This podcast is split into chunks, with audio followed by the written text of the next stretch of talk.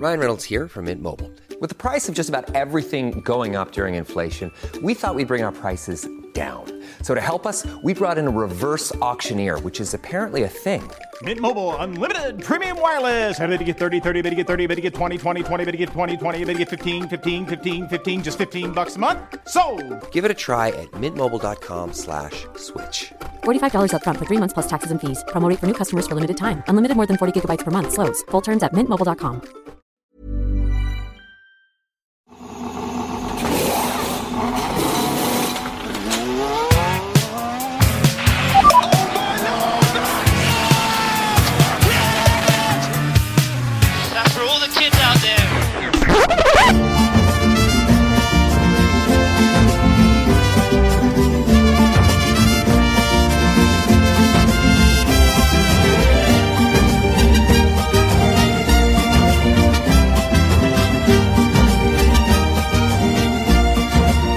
man vill aldrig sluta lyssna på den här eh, mariachi-versionen av F1s eh, tema som var i Mexikos Grand Prix. Alltså jag sitter liksom och jag, sitter, jag kan verkligen inte dansa, men, eller någonting sånt. Jag kan knappt röra mig till musik trots att jag har levt ett liv i musiken och liksom kulturens tjänst. Men jag kan absolut inte röra på mig till musik på ett coolt sätt. Men jag blir liksom, av den här låten blir jag liksom så himla glad. Vad känner du Anna när du hörde den till Mexikos GP? Jo, men man blev ju otroligt glad. Eh, Det kändes ju bara lite tråkigt att jag inte kände mig riktigt lika glad efter loppet som jag var inför. Ja, det har jag också undrat. Men alltså den här låten, man vill ju att de ska köra de här varje, varje gång nu från och med nu, alltså de här sista racen som är kvar. Det var, så, det var typ det bästa eh, Fia, eller ja, det är ju inte Fia som gjort det, men eh, de som producerar. Det är det bästa de har gjort alltså, av allting. Alla kamerabilder, alla typer av drönarförsök med drönare som flyger, alla gaspedalskameror och bromspedaler och jämförelselinjer, så är ju alltså den här mariachi-versionen av F1-temat det bästa. Ja, det känns ju härligt att få känna så i alla fall tycker jag. Jag sitter och dansar och gnuggar. Ja, det var ju lite roligt när jag var på, eh, när jag var på mitt enda FF-dopp i livet som det börjar bli tjatigt om att jag pratar om när jag var i Barcelona. Jag ska väl på något mer någon gång så att jag har mer att jämföra med. Men där var det lite komiskt i alla fall när det skulle, när liksom själva sändningen drog igång för då hade de de små riktigt trötta högtalare som körde den där låten. Du, du, du, du, du, du, du. Och alla vrålar liksom med och bara da, da, da, da, da, da, da. Det måste ha varit mycket mysigare i Mexiko. Alla sombreros bara gnugga och dansa lite till, dansa lite till den sköna låten. Ja, men på något sätt så är det ju, jag gillar ju inramningen i Mexiko med den här fantastiska motodromen också. Det pratade vi om innan racet också. Men den ger ju en himla känsla. Så man sitter ju och hör eh, publiken. Man får ju en, en eh, feeling för och det känns verkligen som en sån gungande feeling rätt över. Så att, eh, nej, passar bra, passar bra. Ja, det, den är ju också extremt cool, den där kurvan där de kommer in mot slutet precis innan start och målrakan. Den är ju alltså otrolig. Såg också att de hade som ett litet så här eh, restaurangområde eller i alla fall lite bord där man kunde sitta precis i den hörnan. Det är ju där bilarna kör som långsammast också på hela, på hela racet. Nej, eh, det är ju visuellt den absolut coolaste platsen som man kan se rent eh, tv-bildsmässigt och låtmässigt är det ju det bästa de har gjort. Men eh, om man eh, tänker annars på racet då, hur många Red Bull behövde du dricka för att hålla dig vaken när du satt där och live-rapporterade det här sömniga racet? Alltså nu dricker inte jag Red Bull för jag gillar inte den drycken. Hur många skulle du så. Men- behövt då om Jag det var hade- original thai-versionen av det innan eh, Mateschitz köpte upp det? Ja, den eh, var väl antagligen superstark, men jag hade nog ändå behövt en tio stycken kände jag. För att, nej, jag satt ju hela tiden och väntade på att det här loppet skulle tända till. Man hoppades ju på någon form av strategispel mellan Max Verstappen som hade pole och tog starten och Mercedesen som låg bakom. Men det kom ju aldrig. Och det gjorde ju att det blev, alltså, inte bara med att man var en väntan på någonting som skulle komma, utan det var ju dessutom ett lopp som var, kändes väldigt uppdelat i två olika delar. Alltså det var täten, och sen var det typ Ferrari i sin lilla värld, och sen var det resten. Eh, det kändes, det kändes ja, som en, en väntan på någonting som aldrig kom, tyckte jag. Jag tänkte att vi skulle döpa det här avsnittet när jag satt och kollade på racet igår så tänkte jag ju det här blir, avsnittet får ju heta säsongens snällaste race. Men nu har det gått eh, ett par timmar sedan jag såg det där racet och nu undrar jag om vi inte ska, bara ska döpa det till säsongens absolut tråkigaste race. Ja, det, Eller det både och ju... kanske. Vad menar du med snällt egentligen? Nej men det var ju inget, det enda liksom lilla, lilla intrigen var ju när Daniel Ricciardo eh, köttade sönder Tsunoda. Annars var det ju alla bara snälla och det var, inga, det var inga kamper, det var inga bråk, det var inga intriger, det var inga, inga krascher, det var inga flygturer, det var ingen vevning, det var ingenting. Nej, det var det inte. Och sen så eh, lyckas vi ju undkomma den här jättebojkotten som Red Bull har eh, inlett mot eh, tre stora, eller fyra till och med, blir det väl, Sky i Europa. Italien, England, Tyskland och Sky Sports. De vägrar ju prata, eller han vägrar ju prata med dem numera eftersom han anser att han har blivit illa behandlad av dem. Att de av en har... person i, specifikt har de skrivit också om Mm, just Sky absolut. Sport. Men det gäller väl alla? Hela Red Bull eh, har väl Ja, bestämt ah, att de ska bojkotta Sky Precis, det blir en to total bo- bojkott för de tycker att de inte har fått den credit som de behöver, som de är så här att de har fått en credit som de har gjort sig förtjänta av efter de två VM-titlarna. Så de har bestämt sig för att bojkotta. Och med den bojkotten så blir det ju ännu mindre snack, för normalt sett så är det ju alltid någon, det händer ju alltid någonting när Helmut Marko öppnar munnen efter loppet, men det blev det inte heller. Grinpellar känner man väl ändå? Vad fan, ni har vunnit två år i rad, vad är det att grina om? Är det liksom att eh, Sky Sports har varit eh, lite hårda mot dem i hela, med hela det här budget, eh, budgetcap-kaoset, där de faktiskt har varit liksom olagliga? Det känns som att det är en direkt reaktion på det där. Ja, sen är det väl det att de, eh, den brittiska delen som det grundar sig i då, och den reporten har väl sagt att han ansåg att, eh, lite glimten i ögat, att eh, Verstappen stal VM-titeln i fjol från Lewis Hamilton. Och nu har vi dem Ja, men det är ju sant, vad fan är det att grina om? Det är ju sant! Ja. Ja, så då har väl det upprepats ett par gånger så då blir de lite griniga, grinpellar. Ja, verkligen Ehm, Sen är, grinpellar. sen är frågan om, om det är så man ska bete sig, men det är väl en annan sak. Apropå att bete sig, Eh, vi är inne på mexikanerna, vi är inne på eh, Red Bull här och att de grinpellar. De, vad, ta det som de champs ni är, ni har vunnit mästerskapet, ni har vunnit konstruktörsmästerskapet, S- liksom, ra, kör rakryggat på, vad är det att grina om att vi har inte fått den cred vi förtjänar, Nej, de, inte, de, säger inte, de säger vi är dumma. Gör det som Lewis Hamilton istället, som kliver upp efter när han ska göra sin post-race-intervju i den där autodromon på, eh, ja, heter den autodromo, alltså själva de, den delen. Banan heter väl Autodromo Hermanos Rodriguez, men när i alla fall i den här lilla kupolen då, eller vad, vad man nu ska kalla det, när Hamilton går in där, hela publiken börjar bua som dårar. Alltså det bara, det bara ekar med burop. Och Lewis Hamilton kliver upp där och bara Eh, ja, det har varit fantastiskt. Jag älskar den mexikanska publiken, jag älskar att vara här i Mexico City. Ni är fantastiska, tack så jättemycket. Samtidigt som, som eh, Checo Perez står och så här, säger åt publiken, nej, nej, nej, sluta bua, sluta bua, veva med, veva med fingret. Det är så man ska bete sig, inte hålla på och liksom grina för massa sm små sinthet liksom. Nej, man får väl visa upp det, så man får ju vara lite stor i situationen också, kan väl jag också tycka. Att det...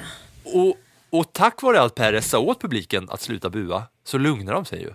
Och Ja, men det gjorde de. Jag undrar om mexikaner, alltså Mexikos folk är stoltast av alla över sin F1-förare, av alla nationaliteter. De känns så jävla stolta över Checo Perez.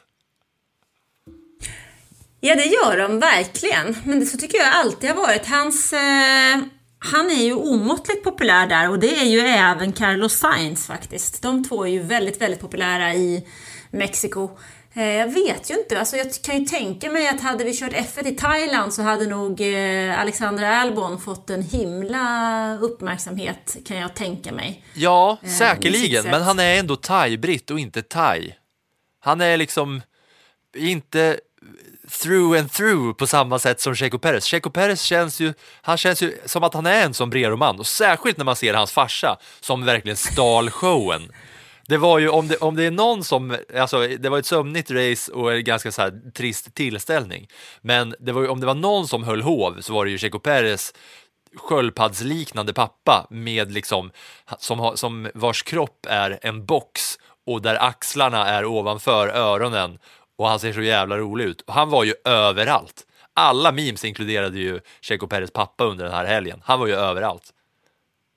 Alltså tycker jag att läktarna överlag gör ju den där, alltså själva inställningen till Alltså Brasiliens GP brukar ju också vara en riktigt, riktigt härlig, härligt race, men nu finns det ju inte så mycket längre till eh, brasilianska förare som har någonting att hämta överhuvudtaget i de här... Eh, vi har ju en på väg upp till F1, men han får ju ingen plats till nästa år, så vi har ju saknat någonting där de senaste åren, men, men i Brasilien finns ju också den äkta F1-själen på något sätt med de fantastiska mästare som det teamet har haft och som det teamet, eller det teamet, det landet har haft under åren. Alltså där finns ju på något sätt kan jag känna en, en del av själen till Formel 1. Så där är det ju en. Och det kanske är Sydamerika då? Ja, nej men eh, feststämningen och låten över, och Checo Perez pappa övertrumfar allt vad racet innebar, tycker jag. Men det finns ändå lite race att snacka om, eller hur? Så vi eh, tar oss eh, direkt in på racingen.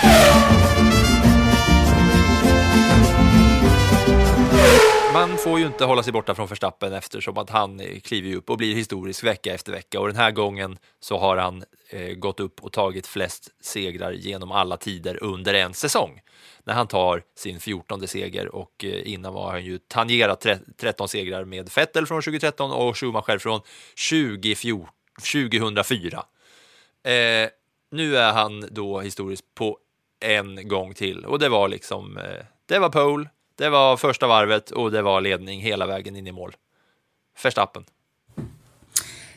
Ja, det var ju sådär att precis som du sa att man satt nästan och väntade på att någonting annat skulle hända. Det var ju han valde ju strategin, eller Red Bull valde ju strategin mjuka däck, mediumdäck. Mercedes valde ju strategin för sina bilar mediumdäck och hårda däck.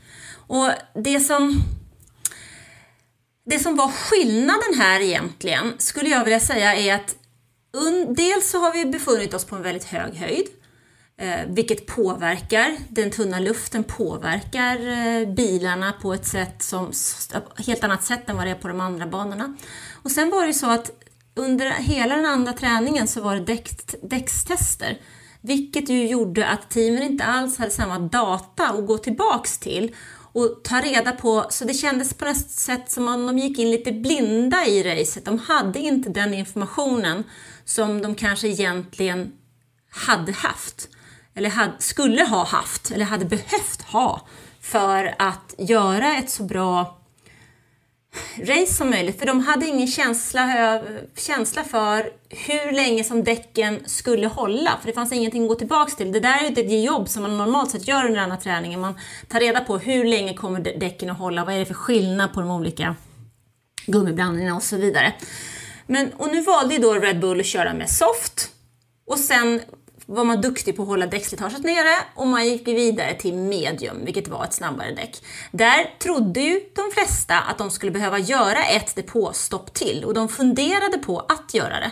Men Lewis Hamilton låg ju så pass nära med sin strategi medium hård så att de hade inte råd att gå in i depå en gång till och de behövde inte för när bilen blev allt lättare, bränslet kördes ju upp så att säga, så slet inte bilen så hårt på däcken utan den klarade av att ta sig hela vägen in. Medan Mercedes då istället hade behövt, för att ha en chans om de nu skulle börja på medium, köra en längre första stint och gå över till soft på den avslutande stinten för att kanske ha en chans. För frågan är, hade de haft en chans om de hade kört samma strategi som Red Bull? Nej, det tror jag inte. För att där är Verstappen fortfarande så pass mycket snabbare med sin bil. Ja, och de var ju inte dåliga på att uttrycka sitt missnöje, båda Mercedes-förarna, över däckvalet att när de gick, skulle gå över till hård. Båda två surade ju rejält på radion när de eh, ja, under varv 40 hade listat ut att nej, det här är fel strategi för oss, medan teamet var klara och tydliga i radion att nej, nej, nej, mediumdäcket kommer börja tappa. Vi har gjort rätt val. Vi har gjort rätt val. Stay out, stay out. Vi behöver, ni behöver inte sura. Det här kommer bli bra. För de på, de på teamramen, på dem lät det ju som att ja, men det är lugnt. Alltså, Red Bull kommer behöva gå in igen. Vi kommer köra om dem. Men det var ju det som man trodde. Alltså, även Pirellis chef Mario Isola inför loppet pratade ju om att eh, medium hård var, skulle kunna vara jämförbar med en, jämförbar med en tvåstoppsstrategi. Ehm, och det var ju det som Mercedes satsade på och som de trodde på. Men sen visade det sig att återigen då så har ju Red Bull och deras superstrateg Hanna Schmitz gjort ett smartare val. Hanna Schmitz Mercedes 2-0 i det här racet helt enkelt. För att det var ju eh, klockrent bara eh, strategin så att säga. Att eh, ja, gå över på den här medien. Och sen är det ju så här att man snackar om Verstappen att han har en sån himla bra bil, bla bla. Men han är ju otrolig på att manage his tires. Det är ju eh, något vansinnigt att han eh, lyckas vara så konsistent i, eh, i sin körning på, på ett sätt. Han är, så, han är väldigt duktig på att hantera just den här bilen. Men tittar vi tillbaka i historien så finns det ju väldigt många förare som har haft en typ av bil som har funkat extremt bra. Till exempel, det är inte svårare än att gå tillbaks till Sebastian Vettel. Under de åren som han och Red Bull dominerade innan det nya reglementet kom så var ju de helt överlägsna och den bilen passade ju honom som handen i handsken. Sen kom regeländringen och sen dess har vi ju inte sett Sebastian Vettel så som han såg ut innan. Den passar inte honom.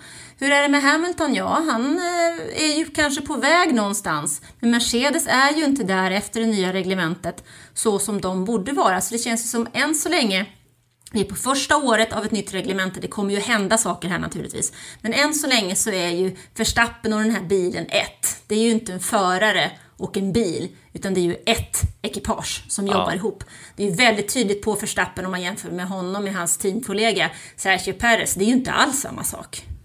Nej, och eh, att han är ett med den här bilen, Verstappen, det kan man se att han körde på softs i början och då tar han ju starten för de däcken passar ju bättre rent startmässigt. Man får bättre grepp när man kör från stillastående när bilen är tung eh, och bilen går långsammare när den är liksom fulltankad. Sen på varv 26 så går han in och byter däck och då är det alltså, ja, matematik vet ni som har lyssnat är inte riktigt min starka sida, men från varv 27 till 71 så kör han alltså på eh, samma mediumdäck då och han har varje varv en 22 en minut och 22 sekunder i då, vad fan det nu blir, blir det 44 varv. Så kör han på exakt samma varvtid, inte på hundradelen såklart, men att han kör på 1.22 alla varv, förutom de två eh, när det var eh, virtuell säkerhetsbil då på varv 65-66. Annars håller han 1.22 alla varv, ett med bilen. Det var du som sa det, ett med bilen. Ja, men det, vi kan titta lite grann på eh, McLaren här till exempel som också gjorde ett eh, race där de köra in två bilar i topp 10. Där hade de ju också olika strategier på sina förare. Eh, vi var inne lite grann på Ricciardo som fick en 10 sekunders bestraffning efter att han varit inblandad i en incident med Tsunoda, eller som du sa, körde honom av banan. Han fick 10 Köttade sönder honom, tror jag sa. Alltså, så, så var det till och med. Köttade sönder honom av banan. Han fick en 10 sekunders bestraffning men klarade sig ändå inom de här eh, topp 10-placeringarna. Eh, Lando Norris som hade en annan strategi som också omfattade de hårda däcken. Han gjorde ju en rejäl strategimiss, miss han också som nu körde på de hårda däcken, precis som Mercedes-förarna gjorde. Och Norris sa själv att hade han valt samma strategi som Ricciardo som hade medium soft så hade han nog tjänat mellan 30 och 40 sekunder i totalen i slutändan. Då kan vi också förstå vilken skillnad det var på att peta i de här hårda däcken och välja någon annan typ av strategi som omfattade medium och soft. Och det var ju det som var grejen inför det här racet. Att det var på gång för Mercedes. De var på G. I kvalet såg det bra ut. Både Hamilton och Russell var uppe och utmanade Verstappen och inför racet så stod de eh, precis där bakom eh, Verstappen i, i startpositionerna och sen så blir det eh, platt fall för eh, Mercedes. Ja, om, vi ska, om vi ska släppa eh, Verstappen så vill jag bara, innan vi gör det, så vill jag bara eh, kolla på det här rekordet som han nu har slagit. För det har ju varit så att eh, i princip efter varje race så har han slagit något typ av rekord. Vi snackade ju eh, Verstappen-rekord till leda förra veckan när Anna Andersson blev vansinnig på mig för att det fanns för mycket statistik eh, eller för mycket rekord som Max Verstappen hade slagit. Men jag gjorde så här nu för att diskussionen för många som lyssnar på den här podden har ju kommit in efter Drive to Survive-eran och kanske inte upplevt eh, Schumacher och kanske inte Vettels tid eh, när han var som eh, störst och bäst. Rekorden innan har ju varit eh, 13 segrar på en säsong. Så det jag gjorde nu var att jag kollade upp procentuellt här om det är så att Verstappen är eh, rent så här, om man tar, procentuellt sett har tagit flest segrar på en säsong. Eh, och då är det så här att Rekordet från, eh, på 13 segrar som han eh, gick om nu eh, här i Mexiko, det var ju från Schumacher 2004. Då körde man 18 race och, första, och eh, Schumacher tog då 13 vinster. Det betyder, ja, jag är inte bra på matematik, men miniräknaren vet jag hur jag använder. 72,2 procent av alla lopp vann Schumacher 2004. Vettel vann 13, men då hade de lagt till ett race 2013. Så han vann 68,4 procent av racen. Just nu så har Verstappen vunnit 14 av 20, så just nu har han vunnit 70 procent av racen. Det vill säga, han har en seger mer än Schumacher, men på grund av att det har raceats två race fler än Schumacher så är han fortfarande 2,2 procent efter Schumacher. Är du med mig? Jag är med dig. Sen är frågan vad som händer när det nu faktiskt är flera race kvar. Och det ska jag berätta för dig nu, för även det har jag eh, gjort min matematik. Jag har inte räknat eh, matte och det här är ju absolut inte avancerad matte. Det är knappt att det skulle liksom vara godkänt på något prov i mellanstadiet med den här matematiken, men jag är nöjd med det. Så här är det, om Verstappen vinner nästa så har han vunnit 15 av 21 race och då har han en procent eh, ratio på 71,4. Det vill säga, han går inte om Schumacher heller om han vinner nästa race. Men vinner han båda sista så klav, kravlar han sig upp på 72,7 procent genom att vinna 16 av 22 och då är han procentuellt sett också förbi Schumacher, då är det rättvist tycker jag. För att det är svårt att säga att han är större, liksom att han har gjort en större prestation än Schumacher genom att vinna eh, 14 av 20 race. Men vinner han båda sista, då går han procentuellt om med en win-ratio på 72,7 procent. Vinner han inget av båda, då har han 68,1 och vinner han eh, eller förlåt, vinner han ett av de sista, då landar han på 68,1 procent. Och då går han inte om ens eh, Fettel 2013. Vinner han inget av de sista, då har han en win ratio på 63,6 procent. Det var mina eh, siffror för dagen. Mm, jag tycker det är lite svårt det här faktiskt också när man diskuterar just det här med vem som är bäst och, och sådär. För det är så helt olika typer av tidsepoker. Det är olika, det är olika antal race. Det är helt olika tidpunkt i en regeländring som man befinner sig i. Jag menar Mercedes 2014, de var ju helt överlägsna för att alla andra stod på bakfoten. De hade inte koll på läget. Nu har vi lite samma sak, att Red Bull har gjort sin hemläxa betydligt bättre än vad de andra har gjort. Eh, 2004 så är egentligen det sista året där Ferrari dominerar så himla stort på den eran från 2000 till 2004. Så att, eh, Men det har kört så pass mycket och procentuellt sett så är det här siffror som inte kan ljuga. Det är liksom fakta. Nej, absolut. Ja, men siffrorna i sig är fakta. Däremot tycker jag att det är väldigt svårt att jämföra förare från olika generationer. Ja. Förutsättningarna ser så otroligt olika men, ut. men det har kört så många men säsonger. Siffrorna, fine, jag säger ingenting om siffrorna. Det som jag vände mig mot med de siffrorna du tjatade om sist, det var att det 7811 Ja, ja, ja. gånger Men var det- att Verstappen var yngst. Ja, och jag ja. menar, ingen kommer ju någonsin att kunna slå det eftersom man har ändrat reglerna. För man ska inte kunna köra F1 innan man kan köra bil. Men nu så är det ju ändå så att visst, det var olika epoker, men det har ju också körts Formel 1 sedan liksom 50-talet fram tills nu. Så det finns så många, det finns så många säsonger att lägga upp den här, de här siffrorna med. Och vi har bara tre säsonger där det här har hänt, av alla säsonger. Så just därför så tycker jag inte att det går på något sätt att bortse ifrån att det här är liksom faktan. Ja, sen så kan du titta tillbaka, sitter det på 50-talet när Fangio och grabbarna körde. De vann ju, där kunde det vara ju förare som vann fler, procentuellt sett, Ja. fler race under en säsong för att man körde eh, färre lopp. Så det är ju lite fram och tillbaka, upp och ner. Jag, jag, jag säger bara att jag tycker statistiken är kul. Siffrorna är rätt. Jag litar på att din miniräknare fungerar, Filip. Ja, det gör knappt jag.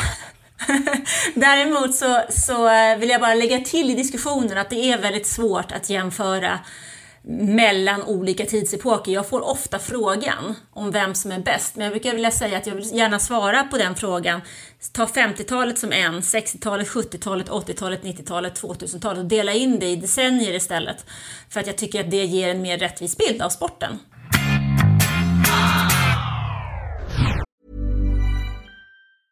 Hey, I'm Ryan Reynolds. Recently, I asked Mint Mobile's legal team if big wireless companies are allowed to raise prices due to inflation. They said yes. And then when I asked if raising prices technically violates those onerous two year contracts, they said, What the f are you talking about, you insane Hollywood ass? F- So to recap, we're cutting the price of Mint Unlimited from $30 a month to just $15 a month. Give it a try at mintmobile.com slash switch. $45 upfront for three months plus taxes and fees. Promo rate for new customers for limited time. Unlimited more than 40 gigabytes per month. Slows. Full terms at mintmobile.com.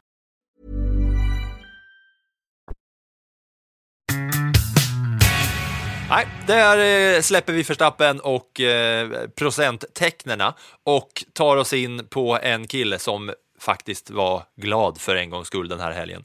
Daniel Ricardo, du var inne på honom där och jag sa att han köttade sönder Synoda, men Daniel Ricardo blev driver of the day till många stora glädje när han eh, kör in och är bäst i sitt team efter den där otroliga konstigt, konstiga omkörningen av Synoda på insidan när han klämmer sig in, vilket gör att Synodas eh, höger bakdäck flyger upp på Ricardos vänster fram och så landar den där Alfa Tauri-bilen tungt och den spricker på höger sida där kylaren sitter väl va? Alltså den där, ja, det där var väl inte riktigt tänkt att bli en omkörning egentligen, men så, så blev det det i alla fall. Eh, ja, det var väl inte riktigt ge- genomtänkt. Samtidigt så... Jag tror att så, det var genomtänkt. Eh, Jag tror att det var genomtänkt att han hade känt på det där varvet innan och sen när han gick in då, jag kommer inte ihåg vilken kurva det var, men just kurvan innan så hade han tagit höjd, han hade planerat den där omkörningen. Att han skulle göra den i den där lilla, lilla korta precis innan eh, banans skarpaste eh, sväng där. Men han får lite, han får inte perfekt traction när han ska trycka in. Så jag tror ändå att den där var superplanerad och när han kom fram där så märkte han att ah, jag fick inte bästa farten in, jag kör ändå. Jag tror att han hade känt på det där. Men Synoda däremot, han hade ju ingen aning om att man kunde komma in blindside eh, på det där sättet. Men det som händer är ju att han får ju en bestraffning, eh, Ricardo, men ändå lyckas bli eh, sjua i racet. Och det är, ju, Ja. det är ju ovant för att vara honom eh, under den här säsongen.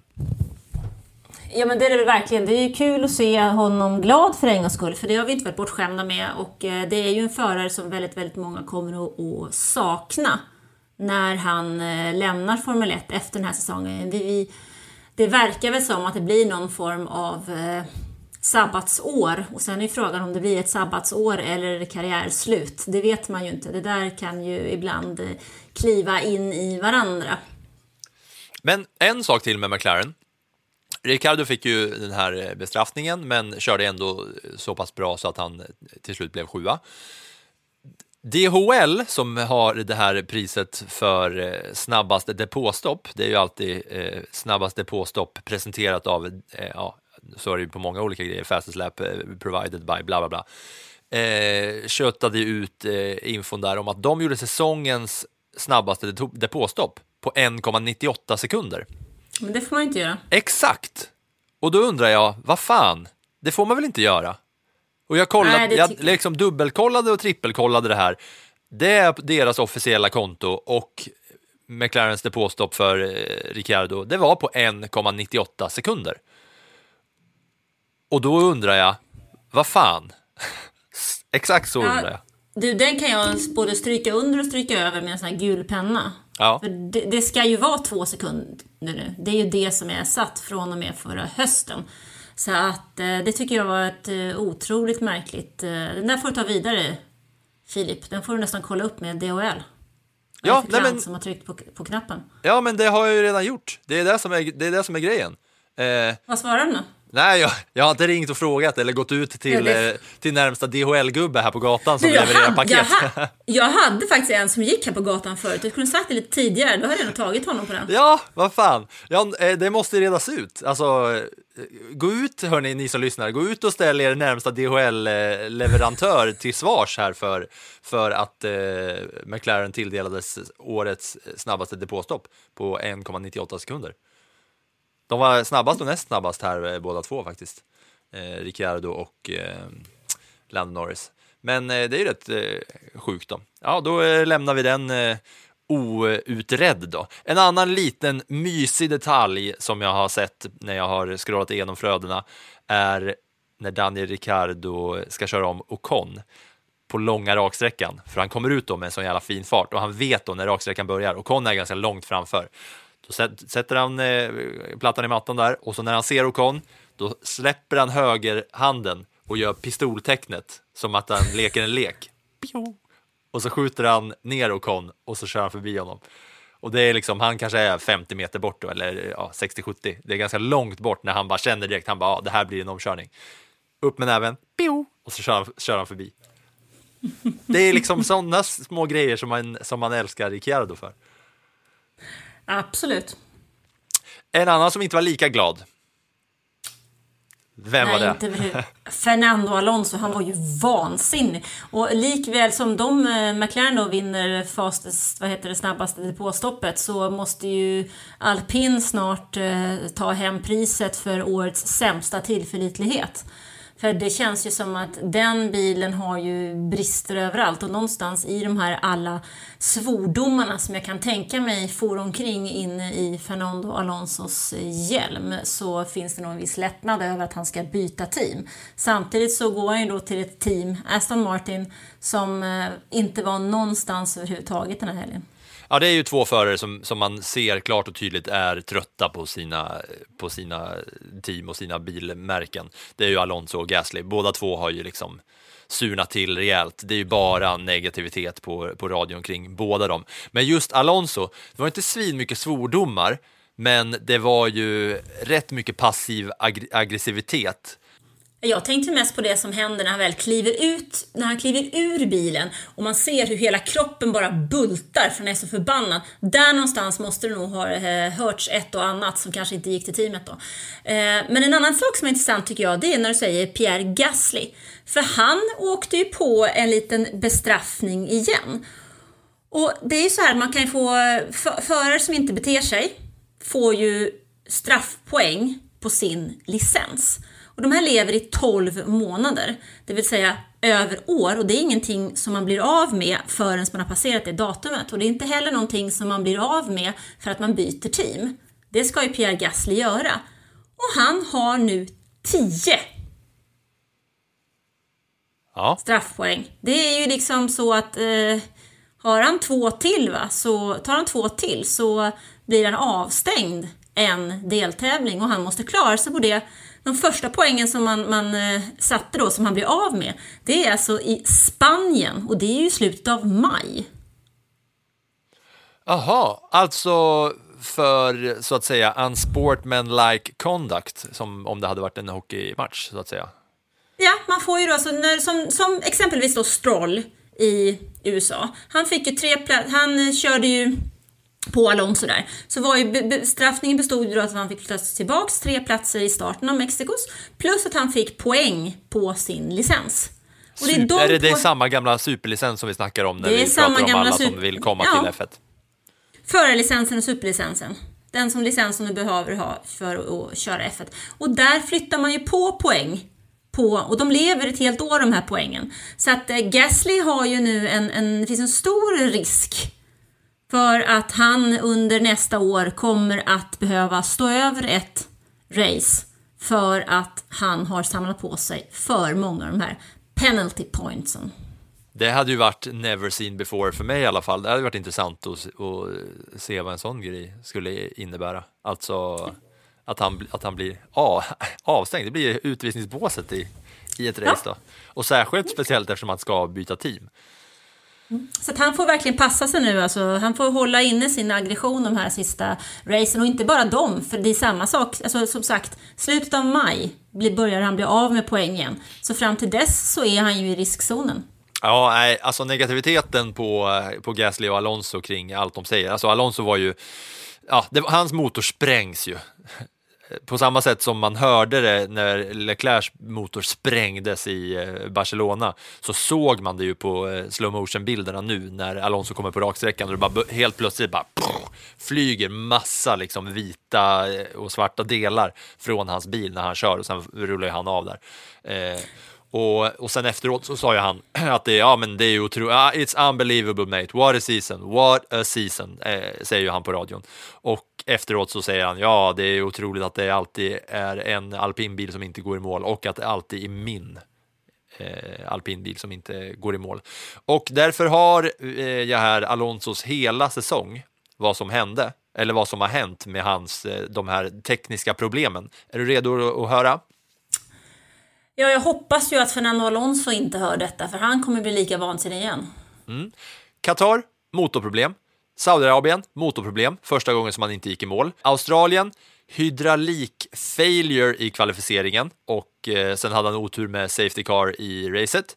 I Italien så blev han påkörd av Schumacher och då gick han, eh, var det hans andra DNF.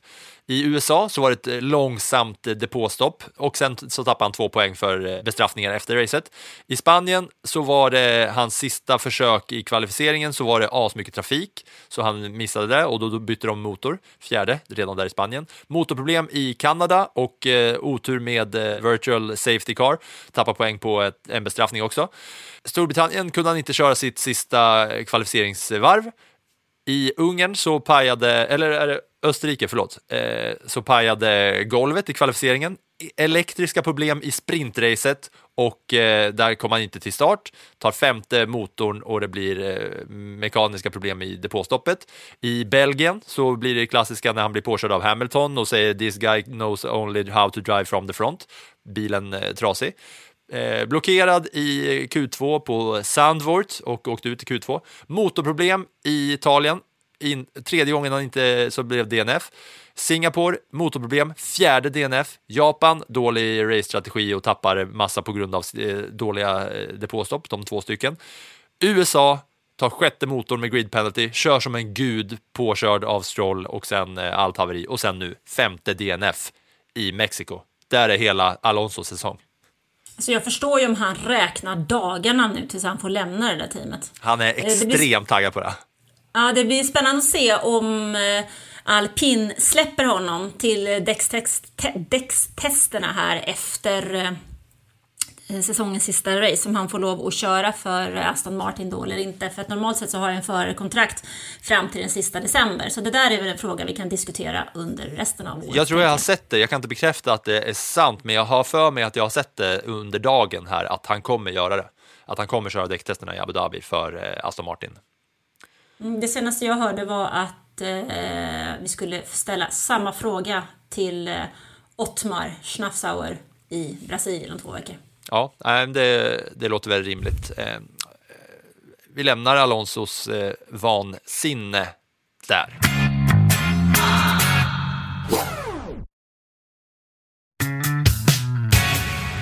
Okej, okay, och då har, jag, eh, har vi ett stort team kvar att eh, bara gå in på. Där har jag egentligen bara en fråga. Varför var Ferrari så himla långt efter i, här i Mexiko? Det var ju helt sjukt vilken stor skillnad det var från resten av säsongen hur de har kört. Det, det här hade de ju inte en chans överhuvudtaget någonstans. Nej, alltså Charles Leclerc sa ju efteråt att det här var det värsta racet som han någonsin har kört för Ferrari och eh, jag, det, jag skulle säga att det var ett av de värre racet för Ferrari på mycket mycket, mycket, mycket lång tid.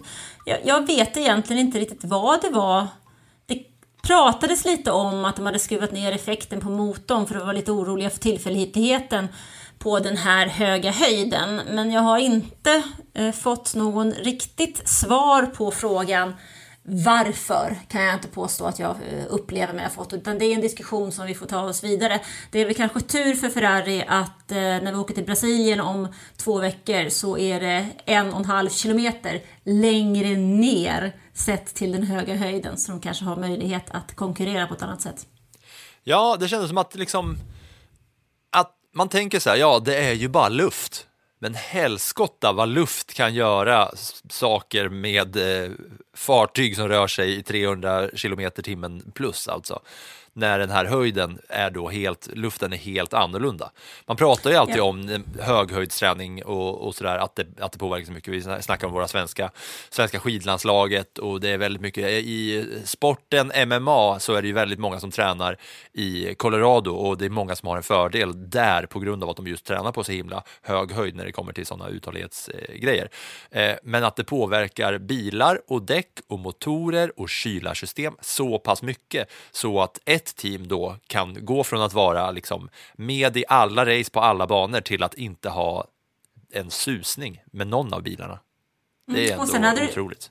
Ja, sen hade du ett annat, annat team då i Mercedes fall som faktiskt gick om mm. Ferrari i det här läget, där som gick åt andra hållet, som inte alls upplevde samma problem med luftmotstånd som de har gjort tidigare under säsongen. Så att, eh, nej, men det pratade vi också om förra veckan. Vi pratade om att det kunde, vi kunde få se förändringar i eh, resultatlistan just på grund av de förutsättningarna som är i Mexiko. Så att, eh, vi hade väl inte helt fel den här gången heller? Nej, verkligen inte. Och det såg man också. Jag var, jag, ibland brukar jag gå in och kolla på eh, bettingbolagen hur oddsen ser ut inför race och sådär. Och Ferrari brukar ju alltid vara, alltså det brukar inte vara så himla bra return på Ferrari. Men eh, den här gången så var det väldigt spridda skurar i hur oddsen var fördelade.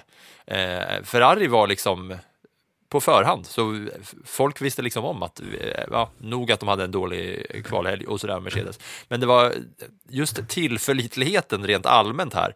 Det var också hö högre odds än vanligt på just Verstappen för att man inte riktigt visste vad den här luften skulle kunna göra med de olika eh, bilarna.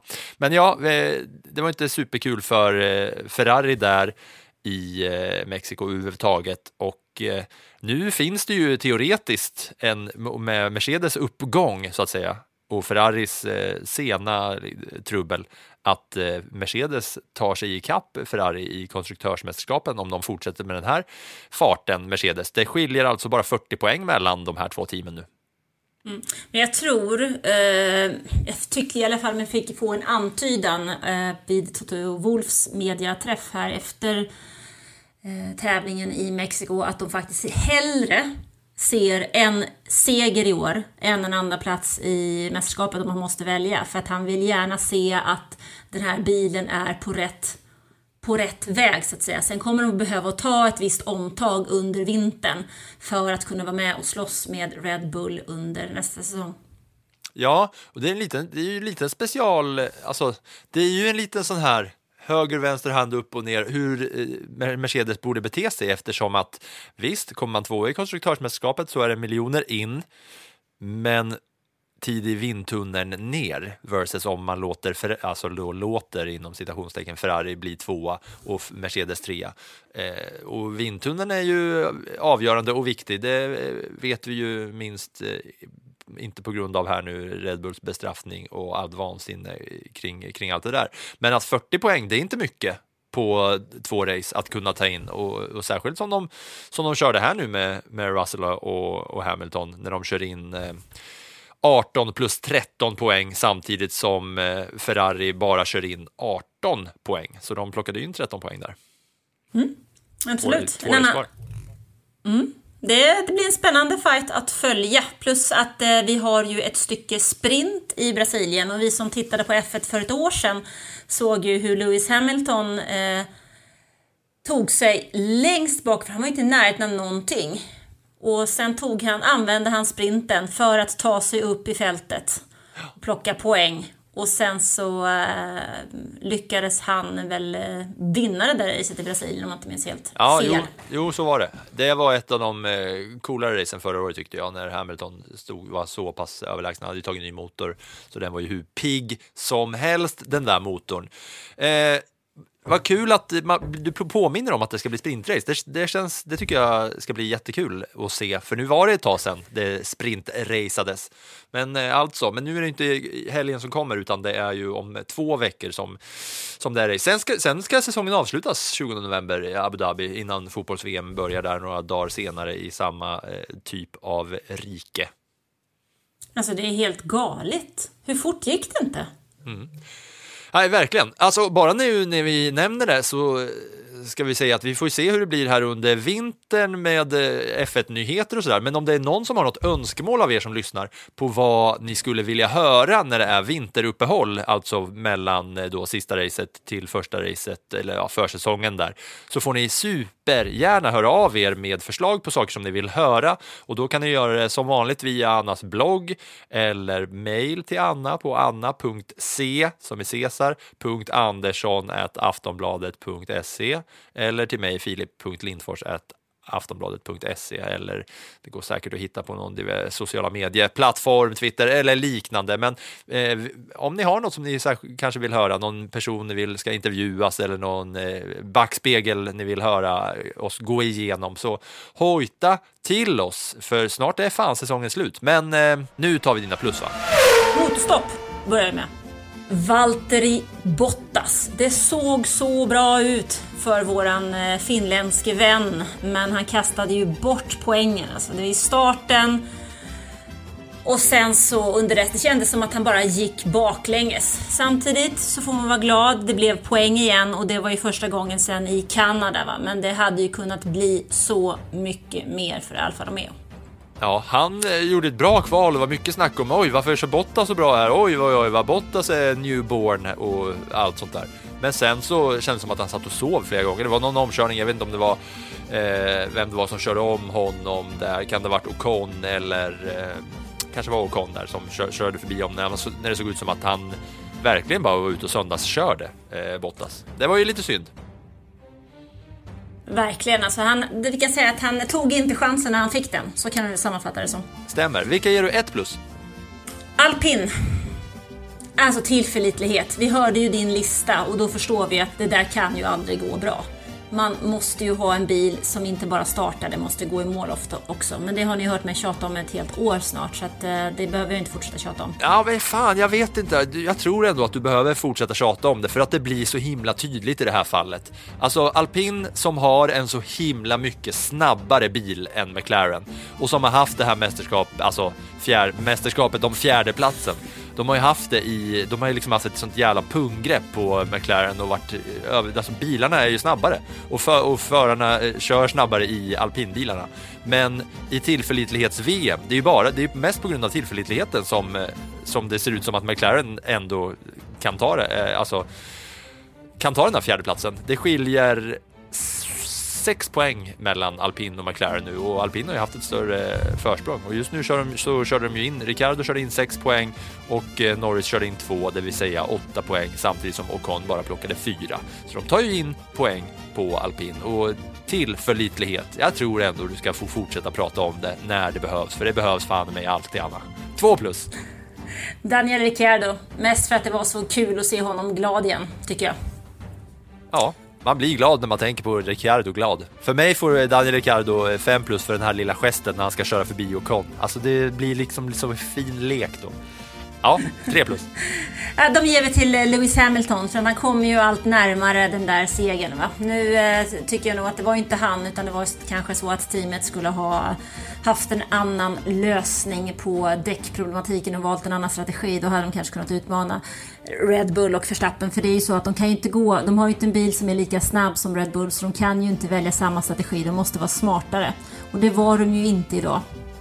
Den här gången heller. Två race kvar. Det kommer bli en Mercedes-seger. Så nu har jag sagt det här i det här avsnittet också, men får 4 plus.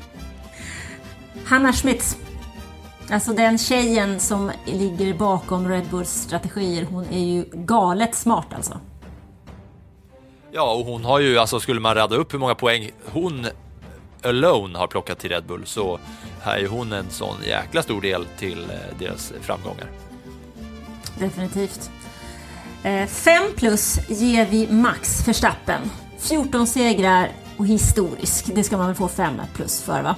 Ja, absolut. Även om man procentuellt sett inte har tagit sig förbi eh, Schumacher än, men mycket väl kan göra det genom att fortsätta köra. Historiskt i eh, 14 segrar, men i min procentbok inte än. Men ja, det är, man kan ju på förhand sätta 5 plus på, på Verstappen eh, innan varje race. Ja, men alltså 14 segrar är ju riktigt, oavsett vad man pratar om procent hit eller dit, så att eh, 14 segrar är riktigt bra. Absolut. En annan som jag vill ge 5 plus, det är vår vän Dino Beganovic som nu är helt klar enligt sin egen femårsplan som han berättade för oss i somras. Helt klar för Formel 3.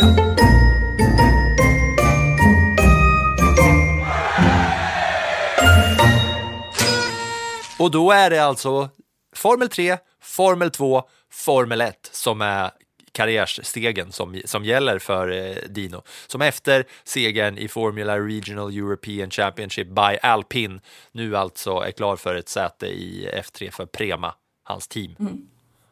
Ja, man blir ju riktigt, riktigt glad. Alltså jag fick faktiskt möjlighet att prata med Dino här i veckan. Eh, och det var så... Eh, det var faktiskt riktigt roligt när han plötsligt... För jag frågade honom då liksom, ja men hur ser du nu med stegen som är klar, kvar? Så blev han bara tyst och så sa han efter en stund, Ja, det är ju inte så många kvar. Det är ju bara två och sen ett. Ja, ja verkligen. Precis. Eh, och det som, han har ju, som många av er som har följt oss vet ju att han har kört Formel 3 i år också, men det är en annan typ av Formel 3-serie. Och den stora skillnaden då som han själv berättade om när vi pratade vid i veckan, det var ju då faktiskt bilarna. För att när man kör i Fias variant så tillkommer DRSen, och sen har de bilarna 120 hästkrafter mer än vad han var med tidigare och lite mer downforce. Så nu kommer han ju in då i den här stegen som verkligen går mot F1. De kör under F1-helgerna och han kör för Prema som ju är, man kan säga, Ferraris Pharma-team som de har på väg upp. Så hans målsättning är väl att gå i, det är att gå i Charles Leclerc och Mick Schumachers fotspår eh, upp till F1. Så vi kanske kan få se honom där under F1-paraplyt alltså. Det betyder ju om du som lyssnar har så här börjat fundera nu på när du har lyssnat en hel säsong på podden, du har sett alla Drive to Survive, du har sett kanske de flesta racen och så börjar du nu fundera på, men fan man kanske ska åka på ett F1-race nästa säsong ändå. Då betyder det ju att eh, drar man dit så har man möjlighet att se eh, Beganovic eftersom att de hakar på i samma, eh, samma cirkus. Precis. Så då är det ju värt att eh, ta några timmar extra för att se förhoppningsvis och enligt mig förmodligen eh, Sveriges nästa F1-stjärna, Dino Beganovic. Han är ju i alla fall den som är närmast, men vi ska ju vi ska komma ihåg, vi är lite så här varningens finger här, att vi ska komma ihåg att det är ju inte så väldigt många förare varje år som får chansen att debutera i F1. Som det ser ut nu så är det två förare nästa år. Och då är det ändå så för att vi måste tacka Sebastian Vettel för eh, lång och trogen tjänst. Han väljer att kliva av och det är ju inte varje år som det är så att det är folk som faktiskt lämnar F1. Nej, det är mycket riktigt. Men eh, ja, vi, återigen alltså, förra veckan gratulerade vi Beganovic till eh, totalsegern och nu gratulerar vi ju såklart till eh, Formel 3-platsen hos Prema. Fan vad kul det ska bli. Ja, det ska det bli. Och har man inte hört avsnittet med Dino när vi pratade med honom i somras så kan man passa på att lyssna på det.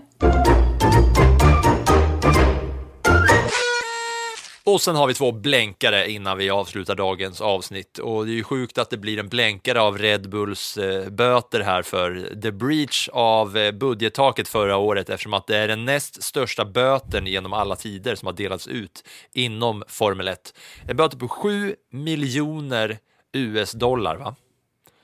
För yeah. sin breach på, eh, på budgettaket och det är inte bara pengar som de straffas med för det här nu. Det har ju varit, eh, det har varit en liten följetong i ett par veckor, men nu har i alla fall straffet kommit.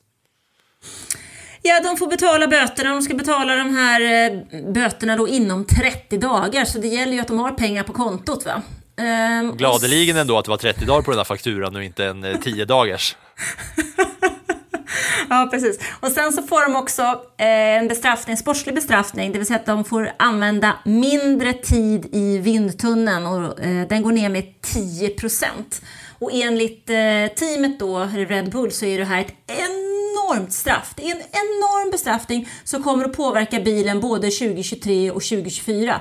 Medan konkurrenterna tycker det att, eh, va, vad var det där? Jag tycker grinpellar, sluta grina för fan, ta ert straff. Alltså, det är också så här, deras budgettak för nästa säsong reduceras inte. Vilket jag Nej. tycker är patetiskt. För att eh, då är det ju återigen, det spelar ingen roll, då är det bara att gå över det här jävla budgettaket och så får man en liten, liten eh, minibestraffning sådär. Men ja, Ja, det det, inte- det är vad som har hänt i alla fall. Ja, det blir intressant att se vad, på, vilka konsekvenser det här får för framtiden. För att eh, släpper man för mycket så kommer ju ingen att bry sig om budgettaket, så är det ju bara. Eh, och det jag sa att det är den näst största böten som har delats ut, vil- vilken är den största? Det vet du? Det måste väl vara från eh, Spygate va? Jajamän, alltså Red Bull fick nu 7 miljoner dollar för eh, det här. Men det största genom tiden är 100 miljoner dollar jag vet inte riktigt hur det har räknats där, men då är det alltså för McLaren Spygate. Och vad var det då, Anna? Det var ju 2007 när eh, McLaren kom över eh, ritningar och Eh, andra viktiga papper från Ferrari när det var två, en medarbetare från Ferrari som hade lämnat över grejer till McLaren och man hade använt sig av detta. Det kallas det är en spionaffär. Men om jag inte minns helt fel så ledde väl det också till att eh, McLaren uteslöts ur eh, konstruktörsmästerskapet. Ja, och det är väl säkert på ett, något sånt sätt som de här 100, för att det är rätt stor skillnad på alla de här de största böterna genom tiderna, alltså de fyra största böterna på 7 miljoner för Red Bull eh, och sen är det 5 och 1 miljoner dollar, men 100 miljoner är, skri- är liksom eh, det, jag fick fram här via någon slags Bleacher Report, så det är ju siffrorna ska man ju ta med en nypa salt va. Men sen är det eh, då två Red Bull budgettag, trea Turkiets GP för politik på podiet 2006, det var 5 miljoner dollar där för att det var eh, fiffel och båg. Sen var det Ferrari som åkte på en e, en miljoner dollars bestraffning 2002 för eh, i Österrike, team orders va, Baricello ledde och de ville att Schumacher skulle vinna när det var eh, olagligt. Let Michael pass for the championship. Ja, det var en inte glad gamla Rubens. Och sen sista lilla blänkan innan jag säger hej då är att eh, vi ska försöka snabbt nysta ut en jävla knut till härva här som gäller Alonso och USAs GP och Günther Steiner. För Günther Steiner var inte glad efter USAs GP och eh, det var ju Haas som lämnade in, de lämnade in två protester varav en var mot Alonso som resulterade i att han fick de här 30 sekunderna. Eh, och eh, ja, lyssna på Günther Steiner bara, han var inte glad efteråt.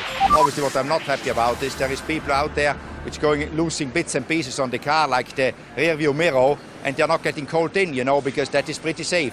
Well we, when we have as soon as a little damage on the front wing, uh, we are being called in, but going around without rear view mirror is completely fine, you know. So i think that will have uh, should have consequences, in my opinion, because it is just not fair. The FIA needs to come up with better people in these positions. Och då är det ju så här att efter så lämnar ju de in protesten för att Kevin Magnussen har ju fått eh, black and orange flag tre gånger den här säsongen för att han har haft en lös endplate. Det är alltså på framvingen längst ut till höger och vänster så är det liksom en vinge som går upp och den har han haft lös och då har han fått eh, svart och orange flagg. Då måste man gå in och, och lösa det direkt, vilket har kostat honom massor.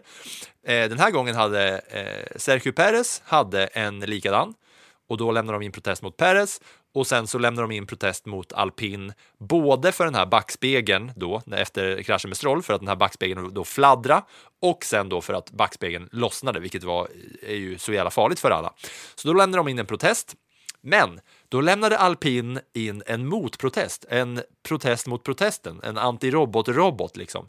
För att Haas hade lämnat, det de sa då var att Haas har lämnat in sin protest 24 minuter för sent efter protest-deadline. Och då avslog de den, alltså domarna, eh, för att Haas hade direkt bett domarna om ett förtydligande kring just det här med lösa delar. Och då sa domarna att det, var alltså, det hade varit omöjligt för Haas att lämna protesten innan deadline för att de redan hade bett om förtydligande. Men efter det här, det här är så jävla sjukt, då ifrågasätter alpin, det här var alltså torsdag, fredag, innan eh, Mexikohelgen, då ifrågasätter alpin definitionen av ordet omöjligt i regelboken. Alltså, det, de säger, vad, men vad betyder omöjligt? Det hade ju inte varit omöjligt för Haas att lämna in den här protesten trots att de hade bett om förtydligande. Och då svarar, får svara FIF, eh, Fia, Fifa är jag på väg att säga, det är lika mycket buffel och båg där. Eh, då svarar Fia med att ja, det är sant, definitionen omöjligt, det är ju lite oklart här så eh, ja, det var ju inte omöjligt för Haas att lämna in protest. Eh, omöjligt by the definition av ordet. Och så fick Alonso tillbaka sin sjunde plats och Magnusen blev nia i USAs GP. För det som hände var ju att de först gav Alonso 30 sekunder och då blev ju, eh, bytte de ju plats där, Magnusen och Alonso. Vilken härva, eller? Fattar du något? Det är, väl, det är väl F1 i ett nötskal, är det inte det? Jo, verkligen! Alltså det är så himla oklart och otydligt exakt hur det här eh, liksom får gå till. Alpin launches antirobot-robot mot Has Protest. Ja, det är ju fan mig otroligt. Men eh, med det här då så ser vi fram emot eh, nästa vecka som framförallt kommer bli uppsnack inför sprinthelgen i eh, Brasilien. Och vi avslutar väl såklart till tonerna av världens bästa eh, F1-introlåt, eh, mariachi-versionen av F1-temat. Vi dansar ut till den. Tack och hej för den här veckan!